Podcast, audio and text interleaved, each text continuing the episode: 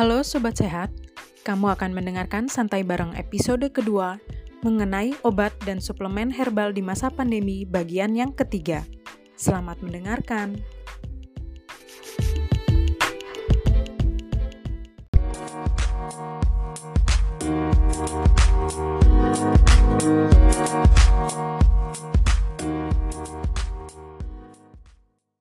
Uh, dari Ibu Rani ada yang mau ditambahkan? Sebenarnya sih udah lengkap, cuma mungkin uh, masyarakat mm -hmm. juga ada yang nanya gitu. Gimana kalau kita bikin sendiri? Nah, itu kan biasanya nggak beli tuh bikin sendiri. Nah, kalau bikin sendiri, dari daunnya. pastikan. Nah, dari daunnya, pastikan spesies. Spesies itu apa ya? Jenis tanamannya. Jenis, jenis. tanamannya tepat ya. Kadang karena uh, ada beberapa tanaman yang bentuknya mirip. Kemudian tanaman itu punya kayak apa ya ya spesies ya kalau yang udah belajar mungkin sebagian udah tahu spesies A sama B bisa jadi beda. Jadi pastikan dulu tanaman yang kita maksud itu sesuai. Kemudian juga ya kita baca-bacalah aturan memasaknya gitu seperti apa gitu. Jangan sampai karena tadi sering mendengarnya aman terus ya semau maunya gitu sebanyak banyaknya padahal setiap tanaman biasanya ada takarannya sendiri. Jadi kalau bikin sendiri pastikan spesiesnya aman. Kemudian kita cari lagi baca lagi berapa banyak yang harus kita rebus gitu ya. Biasanya rebusan ya paling banyak walaupun nggak semuanya berapa banyak harus kita rebus gitu. Bagaimana aturan pakainya. Ada kok. Biasanya setiap tanaman yang sudah diakui secara turun temurun itu tiga generasi minimal tiga generasi pasti ada ada informasinya. Betul. Uh, pertanyaan terakhir mudah-mudahan cukup menjawab kebingungan. Uh, kira-kira dari pengalaman kakak AAA, ibu-ibu, bapak-bapak, kira-kira setelah konsumsi obat atau suplemen herbal itu berapa lama sih efeknya bisa diharapkan muncul gitu? Memang ini ini relatif relatif sekali uh, jenisnya apa lalu diminumnya berapa gitu. Tapi boleh nggak dikasih gambaran gitu bahwa sebenarnya yang nggak cespleng itu yang sekian lama loh. Jangan sampai kalau udah aku minum salam daun salam rebusan daun salam itu kan biasanya kalau kalau darah tinggi itu menurunkan. Tapi kan itu kan langsung gitu. Tapi bisa nggak ada nggak gambaran perkiraan yang aman itu setelah berapa lama konsumsi dia masih termasuk kategori herbal. Ya ngerti ngerti. Ngerti. Alhamdulillah ngerti ya lo. cuma cuma gitu jadi uh, sebelum nanya tuh udah ngerti naik. kita uh, telepati nggak cuma uh, gitu jadi uh, yang dikatakan aman secara herbal itu adalah saat efeknya itu muncul setelah berapa lama penggunaan mungkin itu memang uh, tergantung dari jenisnya, tergantung dari hmm. kepekatan, hmm. tergantung dari frekuensi, tapi itu ada kira-kira akulah. Iya iya iya. Iya iya. iya. Ah, saya mau moderator, mangga para ahli. Tapi itu udah gitu kan. dijawab. Kan? Oh udah dijawab ya, ya mangga ya, sekarang mau dari keluarnya dari para ahli, mangga silakan. Kalau setahu saya sih, sebenarnya tadi Ina udah bilang, udah menjelaskan bahwa relatif ya susah juga nentuinnya gitu kan. Cuman kayak misalnya tergantung, bener sih tergantung herbalnya apa. Misalnya kayak kunyit nih, kunyit nih. Kan banyak tuh yang pakai kunyit untuk gangguan pencernaan ya. Sebagian mungkin pakai untuk dismenore. Itu biasanya biasanya bisa cepat sih, relatif cepat ya. Tapi tidak lebih cepat dari obat. Bisa dalam satu hari itu udah kerasa lah efeknya. Tapi untuk obat-obat e, terkait herbal, terkait sindrom metabolik, saya nggak, nanti mungkin Teh Rika tahu, saya nggak berani bilang berapa lama, tapi sih saya uh, selalu menyarankan ada baiknya si penggunaan herbal ini. Jadi jangan sampai kita tuh pakai asalnya pakai obat konvensional terus pindah ke herbal. Terus kita karena udah ngerasa enak nggak ngecek apa pun. Kebayang sih? Kan ada yang begitu ya. Udahlah pokoknya nggak usah ngecek apa pun itu cuma angka di kertas aja katanya gitu kan ada yang ngomong gitu ya. Yang penting kerasanya. Kalau saya sih selalu menyarankan cek juga uh, hasil labnya tuh kayak apa. Apakah dengan meminum herbal itu memang ada perbaikan atau enggak gitu karena memang ada beberapa orang yang membaik dengan meminum herbal saja, tapi ada juga yang memang punten perlu obat konvensional gitu. Salah satu tujuan hari apa webinar hari ini juga kita pengen apa ya e, berbagilah sama masyarakat, jangan sampai anti herbal, tapi jangan pro tanpa pengetahuan. Begitu juga jangan anti obat konvensional, tapi juga jangan pro banget. Jadi kita harus di tengah-tengah lah gitu. Jadi tetap kalau kita mau pakai obat herbal juga cek labnya tetap harus, terutama yang tadi terkait penyakit-penyakit ini ya, kronis ya, metabolik. ya, maksudnya metabolik sindrom hmm. metabolik ya. Dicek hasil labnya kayak apa. Nggak tahu nih, ada pengalaman nggak Teh Rika atau Kang Indra setelah pakai misalnya uh, obat anti diabetes gitu, herbal anti diabetes ada hasilnya atau enggak? Cuma saya sih selalu nyaranin cek lab. Ya, tadi uh, konsumnya sudah disampaikan tadi ya. Tadi satu dari uh, tergantung bahan uh, atau bahan obatnya apa. Buat jangan lupa untuk uh, rutin cek. Yang ketiga, yang jadi tergantung tadi adalah kondisi penyakitnya, kondisi sakitnya gimana sih gitu. Hmm. Kayak ambil contoh misalnya kan di Indonesia sebetulnya sudah ada klinik herbal ya. Jadi hmm. datang ke dokter hmm. tapi diresepkannya tuh bukan tablet apa ya. atau kapsul apa gitu ya. Tapi ya, racikan obat herbal ada kliniknya itu. Di manakah itu? Tawang Mungkin banyak yang belum tahu di Tawangmangu ya, di Solo ya. di Tawangmangu. Nah, yang perlu menjadi uh, catatan di sini, ini kliniknya di bawah Kemenkes gitu. Dan hmm. tentunya ada dokter juga, ada tenaga kesehatan ya, di sana dokternya. di sana ketika seorang pasien katakanlah misalnya saya ambil contoh pasien uh, tekanan darah tinggi misalnya ya hmm. tekanan darah dikatakan uh, hipertensi itu kan ada range-nya ya hmm. uh, range sekian sampai sekian ada yang lebih tinggi lagi nah ketika seorang pasien datang dengan tingkat hipertensi yang uh, tinggi tentunya akan beda mulai dari dosisnya mulai dari lama pengobatannya gitu ya deban, uh, akan beda dibandingkan dengan yang hipertensi tapi masih hipertensinya masih ya masih ringan gitu ya. Hmm. Nah, itu tadi yang menjadi yang membuat kita tidak bisa menjawab uh, eksak sekian lama gitu ya. Gitu. Hanya yang pasti tadi betul kata Rani, secara berkala kita tetap harus ngecek. Gitu ya. Kalau misalnya tadi hipertensi berarti tekanan darah harus uh, dikontrol terus selama penggunaan obat. Kemudian kalau diabetes berarti gula darah juga harus dicek berkala gitu ya kurang lebih mungkin uh, itu kalau dari saya poin-poinnya. Ini ada ada yang masuk lagi pertanyaan, tapi nyebut merek ya, hapuntan sebelumnya. Jadi ada pertanyaan bagusan mana glukoaktif atau gluconomics buat diabetes.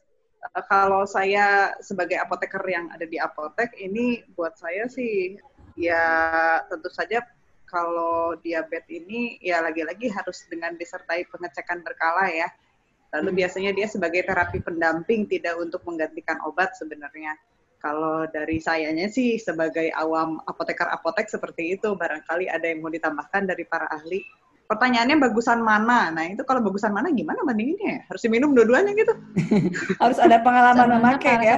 Iya, susah ya. Nah kalau kalau ya kan kalau kalau bagusan mana itu kan kesannya kita harus uh, boleh buat para produsen gitu boleh nggak dikirim sampelnya hmm. mungkin sekarton-sekarton. atau kita, nanti kita kasih tahu. atau nanti kita lakukan riset dulu sendiri ya. Iya, nanti kita kasih tahu hasilnya bagusan mana gitu kan. atau Tapi uh, marketingnya jawab itu kita kalau apa namanya obat itu kan kalau bicara merek itu kan banyak banget ya. Ini kan tadi sudah sebut merek ya. Jadi begitu disebut mereknya saya sempat ini isinya apa ya gitu. Iya. Uh, kalau mau jadi gini jadi yang pertama harus harus uh, lihat isinya. ya membandingkan uh, komposisinya apa gitu jangan-jangan komposisinya sama gitu kalau misalnya komposisinya sama juga kan uh, kita tidak bisa uh, membandingkan Bilang lebih atau baik taruhlah uh, sama halnya dengan kita ditanya bagus mana antara paracetamol sama sanmo gitu ya sebut bagus mana paracetamol dengan panadol misalnya gitu ya. panadol gitu. Jadi secara Aduh. spesifik mungkin tidak bisa kita uh, jawab di sini ya, Naya. Iya iya betul. Uh, dimengerti sih cuma kan karena karena ada pertanyaan harus ditanyakan. Atau mungkin dari dari Indra mungkin ada. Uh, maaf, suara saya muncul ya? Pandangan. Muncul, muncul Pak. Orangnya muncul, suaranya muncul, lengkap semua udah. Ini hanya pendapat saya aja terkait hmm. dengan kan itu ya. Mana sih jamu yang paling bagus atau obat yang paling bagus? Nah, kalau kita saya ini juga Terika ada Tera nih sebagai apoteker yang juga sekaligus sebagai peneliti. Kalau di kalangan peneliti itu kan ketika kita melakukan penelitian obat itu ada sisi molekuler kita paham apa yang terjadi gitu ya. E, kenapa ini bisa ber, berhubungan, kenapa bisa berkaitan, ada jadi. Nah, ada itu untuk setiap putus-putus ya berbeda. Iya, makanya kenapa kena pada saat kondisi sekarang, pada kondisi penyakit misalkan virus uh, COVID ini gitu ya. Kenapa kok yang ini dia parah, yang ini enggak? Nah, karena profil orang berbeda. Sehingga satu obat bagus ke seorang lain, tapi di orang yang lainnya lagi itu uh, juga bagus tuh kita nggak bisa jam. Sehingga untuk penggunaan obat, mau obat tradisional maupun obat kimia, kalau saran saya harus ada pendampingan. Pendampingannya siapa? Jelas di sini pertama adalah apoteker, kemudian juga dokter gitu ya. Yang mana e, kedua profesi ini ini memiliki pengetahuan terkait dengan obat baik tradisional maupun obat kimia ya. Sehingga pada saat penggunaan obat itu menjadi lebih terarah seperti itu. Jadi itu aja sih tambahan dari saya. Ada tujuannya Jadi kita, ya Pak ya, ada evaluasi. Kan ini benar uh, ini ini kurang bagus nggak? Mungkin terlalu subjektif kalau saya melihatnya ya. Karena dari dari sisi produksi juga kan tiap industri itu mengeluarkan produk pasti dengan analisis farmakokinetik dan lain-lain yang sudah lengkap ya sehingga dia bisa mengklaim apa sih kelebihan produk saya dibandingkan produk orang lain. Cuman kalau misalnya uh, kita bicara membandingkan merek di sini kan juga rasanya kurang uh, pas gitu ya. Iya, nggak bukan tempatnya. Ya, itu. Nah, jadi uh, mungkin karena sudah tidak ada lagi pertanyaan, saya bacakan lagi kesimpulan atau mungkin sebelumnya ada yang mau disampaikan terakhir dari masing-masing. Uh, oh, Bu... terkait yang tadi deh sedikit aja. Jadi uh, Mangga, Bu Rani. mungkin teman-teman apoteker sering ya teman-teman apoteker, dokter atau ya tenaga kesehatan sering ditanya, ini obat isinya apa gitu ya. Kalau zaman dulu apotekernya canggih bisa hafal semua ya. Sekarang waktu canggih kita, bisa Google semua. Nah itu waktu kita waktu kita kuliah tuh canggih siapa? waktu kita kuliah tuh kalau saya ngalamin saya ujian tuh saya nggak tahu ini obat apa ya gitu belum dibaca atau gimana kelewat. Nah zaman dulu kita sapalin benar-benar tapi zaman sekarang kan enaknya ada teknologi nih katanya tadi apa informasi dalam genggaman. Jadi handphonenya selain dipakai buat uh, WA-an, Instagraman, YouTubean gitu. Buat screen-screenan kemiskinan bisa juga dicari jadi mungkin uh, ingin melatih kemandirian mencari informasi tentang obat bisa di googling misalnya tadi isinya apa. Jadi biasanya kita membandingin dari isinya dulu bisa aja kayak gitu. Terus mau membandingin efeknya atau pengalaman orang pakai apa.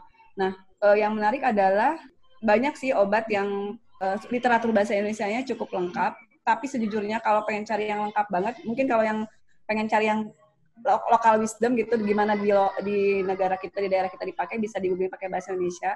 Tapi kalau pengen cari yang secara luas bisa di dalam bahasa Inggris. Itu biasanya informasinya cukup lengkap. Jadi mungkin karena ini eranya era informasi dan sebenarnya kita bersyukur juga ya COVID ini ada di masa informasi ada dalam genggaman dan kita bisa selalu searching gitu informasinya. Termasuk tadi nyari obat ini isinya apa pemakaiannya di masyarakat kayak apa bisa dicari kok kalau memang sudah kesulitan, bisa nanya teman apoteker atau teman-teman dokter gitu. Tapi kalau mau mau melatih nih kecil-kecilan, melatih kemandirian dibaca dulu, baru dikonfirmasi boleh. Tapi kalau memang terlalu lelah nih Bu Ibu mungkin mau nanya langsung boleh juga. Tapi asal tahu aja kita juga pasti biasa nyari dulu ya.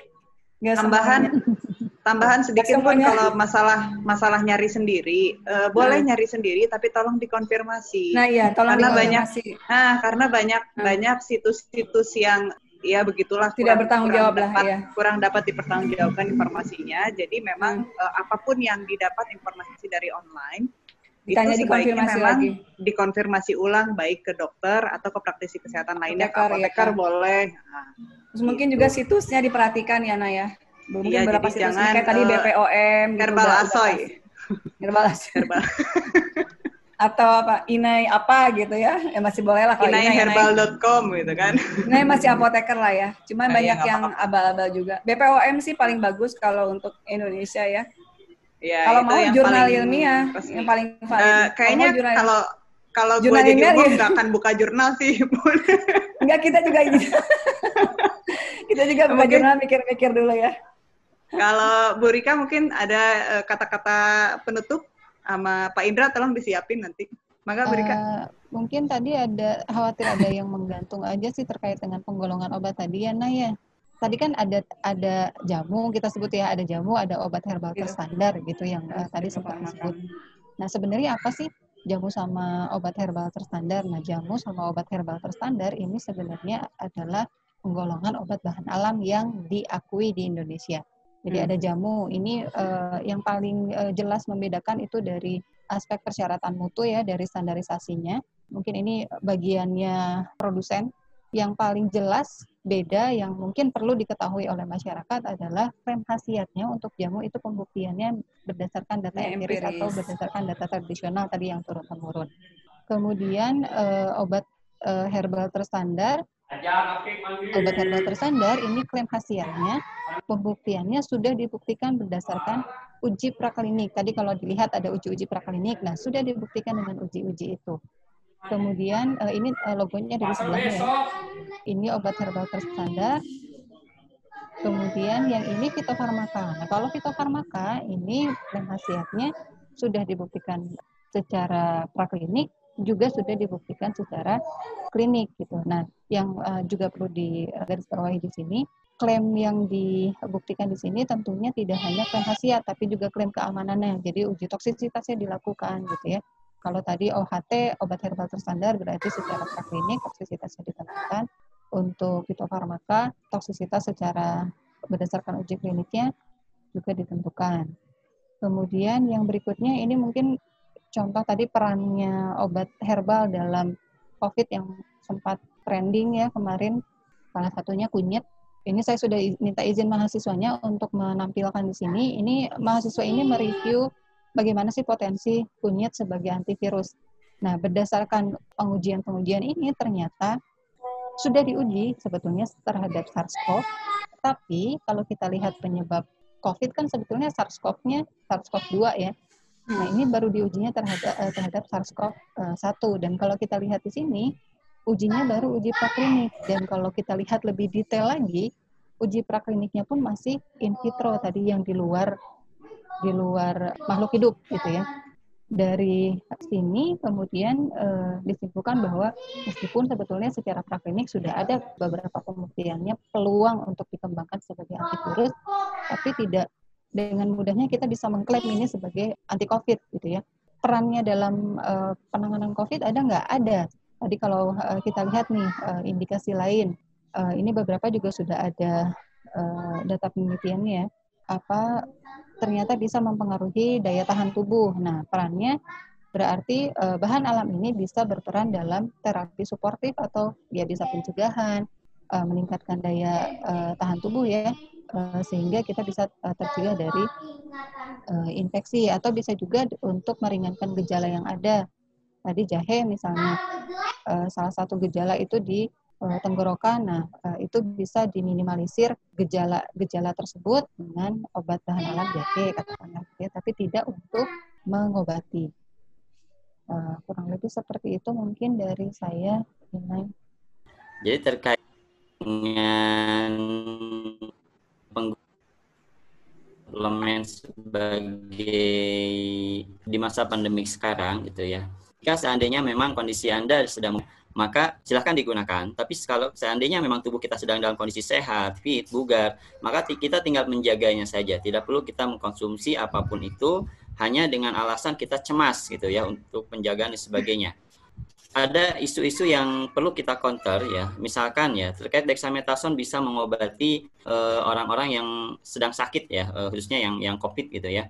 Untuk dexamethasone ini saya sempat melakukan ini ya uh, pencarian uh, sedikit informasi gitu ya tadi. Dexamethasone memang efektif tapi untuk orang yang sedang sakit. Jadi dexamethasone itu kita kenal sebagai SID atau steroidal anti-inflammatory drug gitu ya atau obat anti-inflamasi. Tadi sudah dijelaskan oleh Ina ya. Artinya bahwa kalau orangnya memang positif dia terkena virus gitu ya, kemudian dia parah terkena inflamasi, dipakaikan dexamethasone efektif. Tapi kalau untuk pencegahan jelas ini bermasalah. Jadi dexamethasone bukan untuk pencegahan. Ah, saya ingin mencegah diri dari infeksi virus, maka saya gunakan dexamethasone. Jelas ini masalah. Kenapa? Karena dexamethasone sendiri bukan untuk pencegahan pertama. Kedua, efek samping dari dexamethasone kalau digunakan secara berlebihan ini masalah. Kenapa? Dia bisa meretensi air dari dalam tubuh kita atau menahan air supaya nggak keluar. Nah, air yang terlalu banyak dalam tubuh kita ini akan menggerus kalsium yang ada di dalam tulang. Ujungnya apa? Osteoporosis misalkan ya. ini banyak kejadian di mana jamu-jamu palsu itu diisikan dexamethasone dan ketika dikonsumsi oleh orang-orang ya uh, yang tidak tahu dexamethasone maka tiba-tiba dia jatuh jatuhnya nggak seberapa gitu eh ternyata dia merasa kok saya pegel ya kok sakit-sakit di belakang ya ternyata setelah di ronsen itu tulangnya patah dia tidak merasa tulangnya Baik. patah nah di sedikit konsumsi jamu yang memang sebagian besar mengandung dexamethasone seperti itu. Mungkin itu ya. Semangat, Nay. Oke, Alhamdulillah kita rasanya sudah tidak terasa berbincang sudah lebih dari satu jam, ibu-ibu bapak-bapak. Kerasa nggak? Ini kalau dekat saya dicolek satu-satu ini cuma jauh. Tapi ya gitu, alhamdulillah udah rasanya sih sudah cukup banyak hal-hal yang dibahas dan cukup relevan dengan kondisi yang sekarang terkait dengan obat herbal dan suplemen herbal. Saya akan uh, bawa kesimpulan beberapa aja. Yang pertama, obat herbal ini atau suplemen herbal dia boleh digunakan tapi harus dengan guidance atau dengan aturan yang jelas. Gitu tanpa aturan yang jelas, tanpa pemantauan yang jelas, maka tidak tidak bisa dikatakan bahwa dia aman. Jadi dia itu boleh dibilang aman saat dia jelas gitu. Saat dia nggak jelas ya itu sama kayak makan kulit mahoni satu pohon gitu nggak tahu efeknya apa, nggak tahu jadinya bagaimana tapi ya seperti itulah gitu. Tapi saat dia jelas ya itu mungkin akan berefek nanti di akhirnya. Itu yang pertama. Lalu yang kedua terkait dengan COVID belum ada herbal satupun yang bisa menyembuhkan COVID. Lalu untuk pencegahan itu tidak walaupun kita sudah dengar ada dexamethasone yang bisa berperan meredakan COVID, tapi juga dia tidak bisa dipakai sebagai pencegahan. Untuk mencegah tetap ya pakai masker, lalu tetap jaga higienitas, lalu kita ada social distancing, dan memang intinya pencegahan dari kita sendiri itu untuk mencegah COVID terkait mencegah COVID. Lalu yang berikutnya adalah sugesti. Sugesti atau pola pikir itu sangat-sangat berperan. Jangan lupa untuk ingat bahwa suplemen ini tidak wajib. Suplemen ini tidak harus dikonsumsi tidak saat sedang sehat. Jadi saat kita sedang sehat itu kita nggak butuh apa-apa sebenarnya. Badan kita ini sudah berjalan dengan baik dengan sendirinya. Tapi saat kita kondisinya menurun itu diberikan suplemen memang dia akan membantu menjaga supaya lebih baik. Tapi ya itulah, itulah suplemen, itulah obat herbal. Jadi tidak untuk dikonsumsi secara terus-menerus tentu saja karena memang masih termasuk obat atau zat ya zat lain dari badan ya, zat dari luar badan yang dimasukkan. Gitu. Yang terakhir itu herbal ini lebih cocok untuk terapi-terapi yang bersifat promotif atau pre preventif. ya. Jadi ha, jadi untuk preventif, untuk promotif itu lebih cepat, uh, lebih cocok sebenarnya. Jadi untuk pengobatan eh, pengobatan-pengobatan jangka panjang, untuk uh, pengobatan-pengobatan pasien-pasien yang memang punya penyakit yang berat itu untuk sebagai terapi pendampingan atau perbaikan perbaikan kualitas hidup ya. Mungkin seperti itu kalau kesimpulan yang bisa saya simpulkan. Mudah-mudahan memang nggak puas sih mudah-mudahan nggak puas tapi berikutnya hmm. itu sesinya ada akan ada bahasan tentang dexamethasone yang lebih mendalam. Nanti hmm. barangkali uh, teman-teman semua masih penasaran sama yang namanya dexamethasone kaitannya dengan covid itu nanti kita juga akan lagi lagi digagas untuk supaya dibahas dengan sendirinya. Lalu uh, reportnya udah keluar ya Mm-mm, pada saatnya ya. Mm. Uh, lalu uh, sebagai kesimpulan aja kita itu manusia diciptakan sudah diciptakan dengan sangat sempurna. Jadi untuk beradaptasi ini sudah dengan mudah dia dapat beradaptasi. Kalau misalkan kita harus ingat bahwa konsumsi obat herbal itu tidak sama efeknya pada setiap orang gitu. Nah, jadi harus dengan logika. Jadi pakai herbal itu jangan pakai buta dia pakai lalu kita pakai juga jangan. Diingat-ingat juga kalau misalkan dia cespleng, terlalu cespleng, itu harus dicurigai, lalu selalu kita bisa cek mandiri, selalu bisa cek mandiri dengan uh, ngecek yang paling uh, yang paling relevan adalah dengan cek ke Balai POM ya, ke situs Balai POM untuk pemilihan obat tradisional yang memang mungkin dicurigai atau mencurigakan gitu. Nah, terus terakhir mungkin hatur nuhun ke Ibu Rika, hatur nuhun ke uh, Bu Rani sama hatur nuhun ke Pak Indra sudah meluangkan waktu untuk sharing kita hari ini. Uh, sebagai teman-teman lainnya, acara lainnya di channel ini juga akan ada sharing bareng yang merupakan talk show seputar dunia kefarmasian dan kesehatan dengan bahasan yang lebih dalam. Dan nanti simak bareng itu berupa klip-klip singkat tentang informasi dan tips seputar kesehatan. Terima kasih atas perhatian teman-teman semua. Boleh dada-dada dulu ini para pemateri sebelum undur diri. Sampai jumpa. Ya. Wassalamualaikum warahmatullahi, warahmatullahi wabarakatuh. Eh, udah muncul.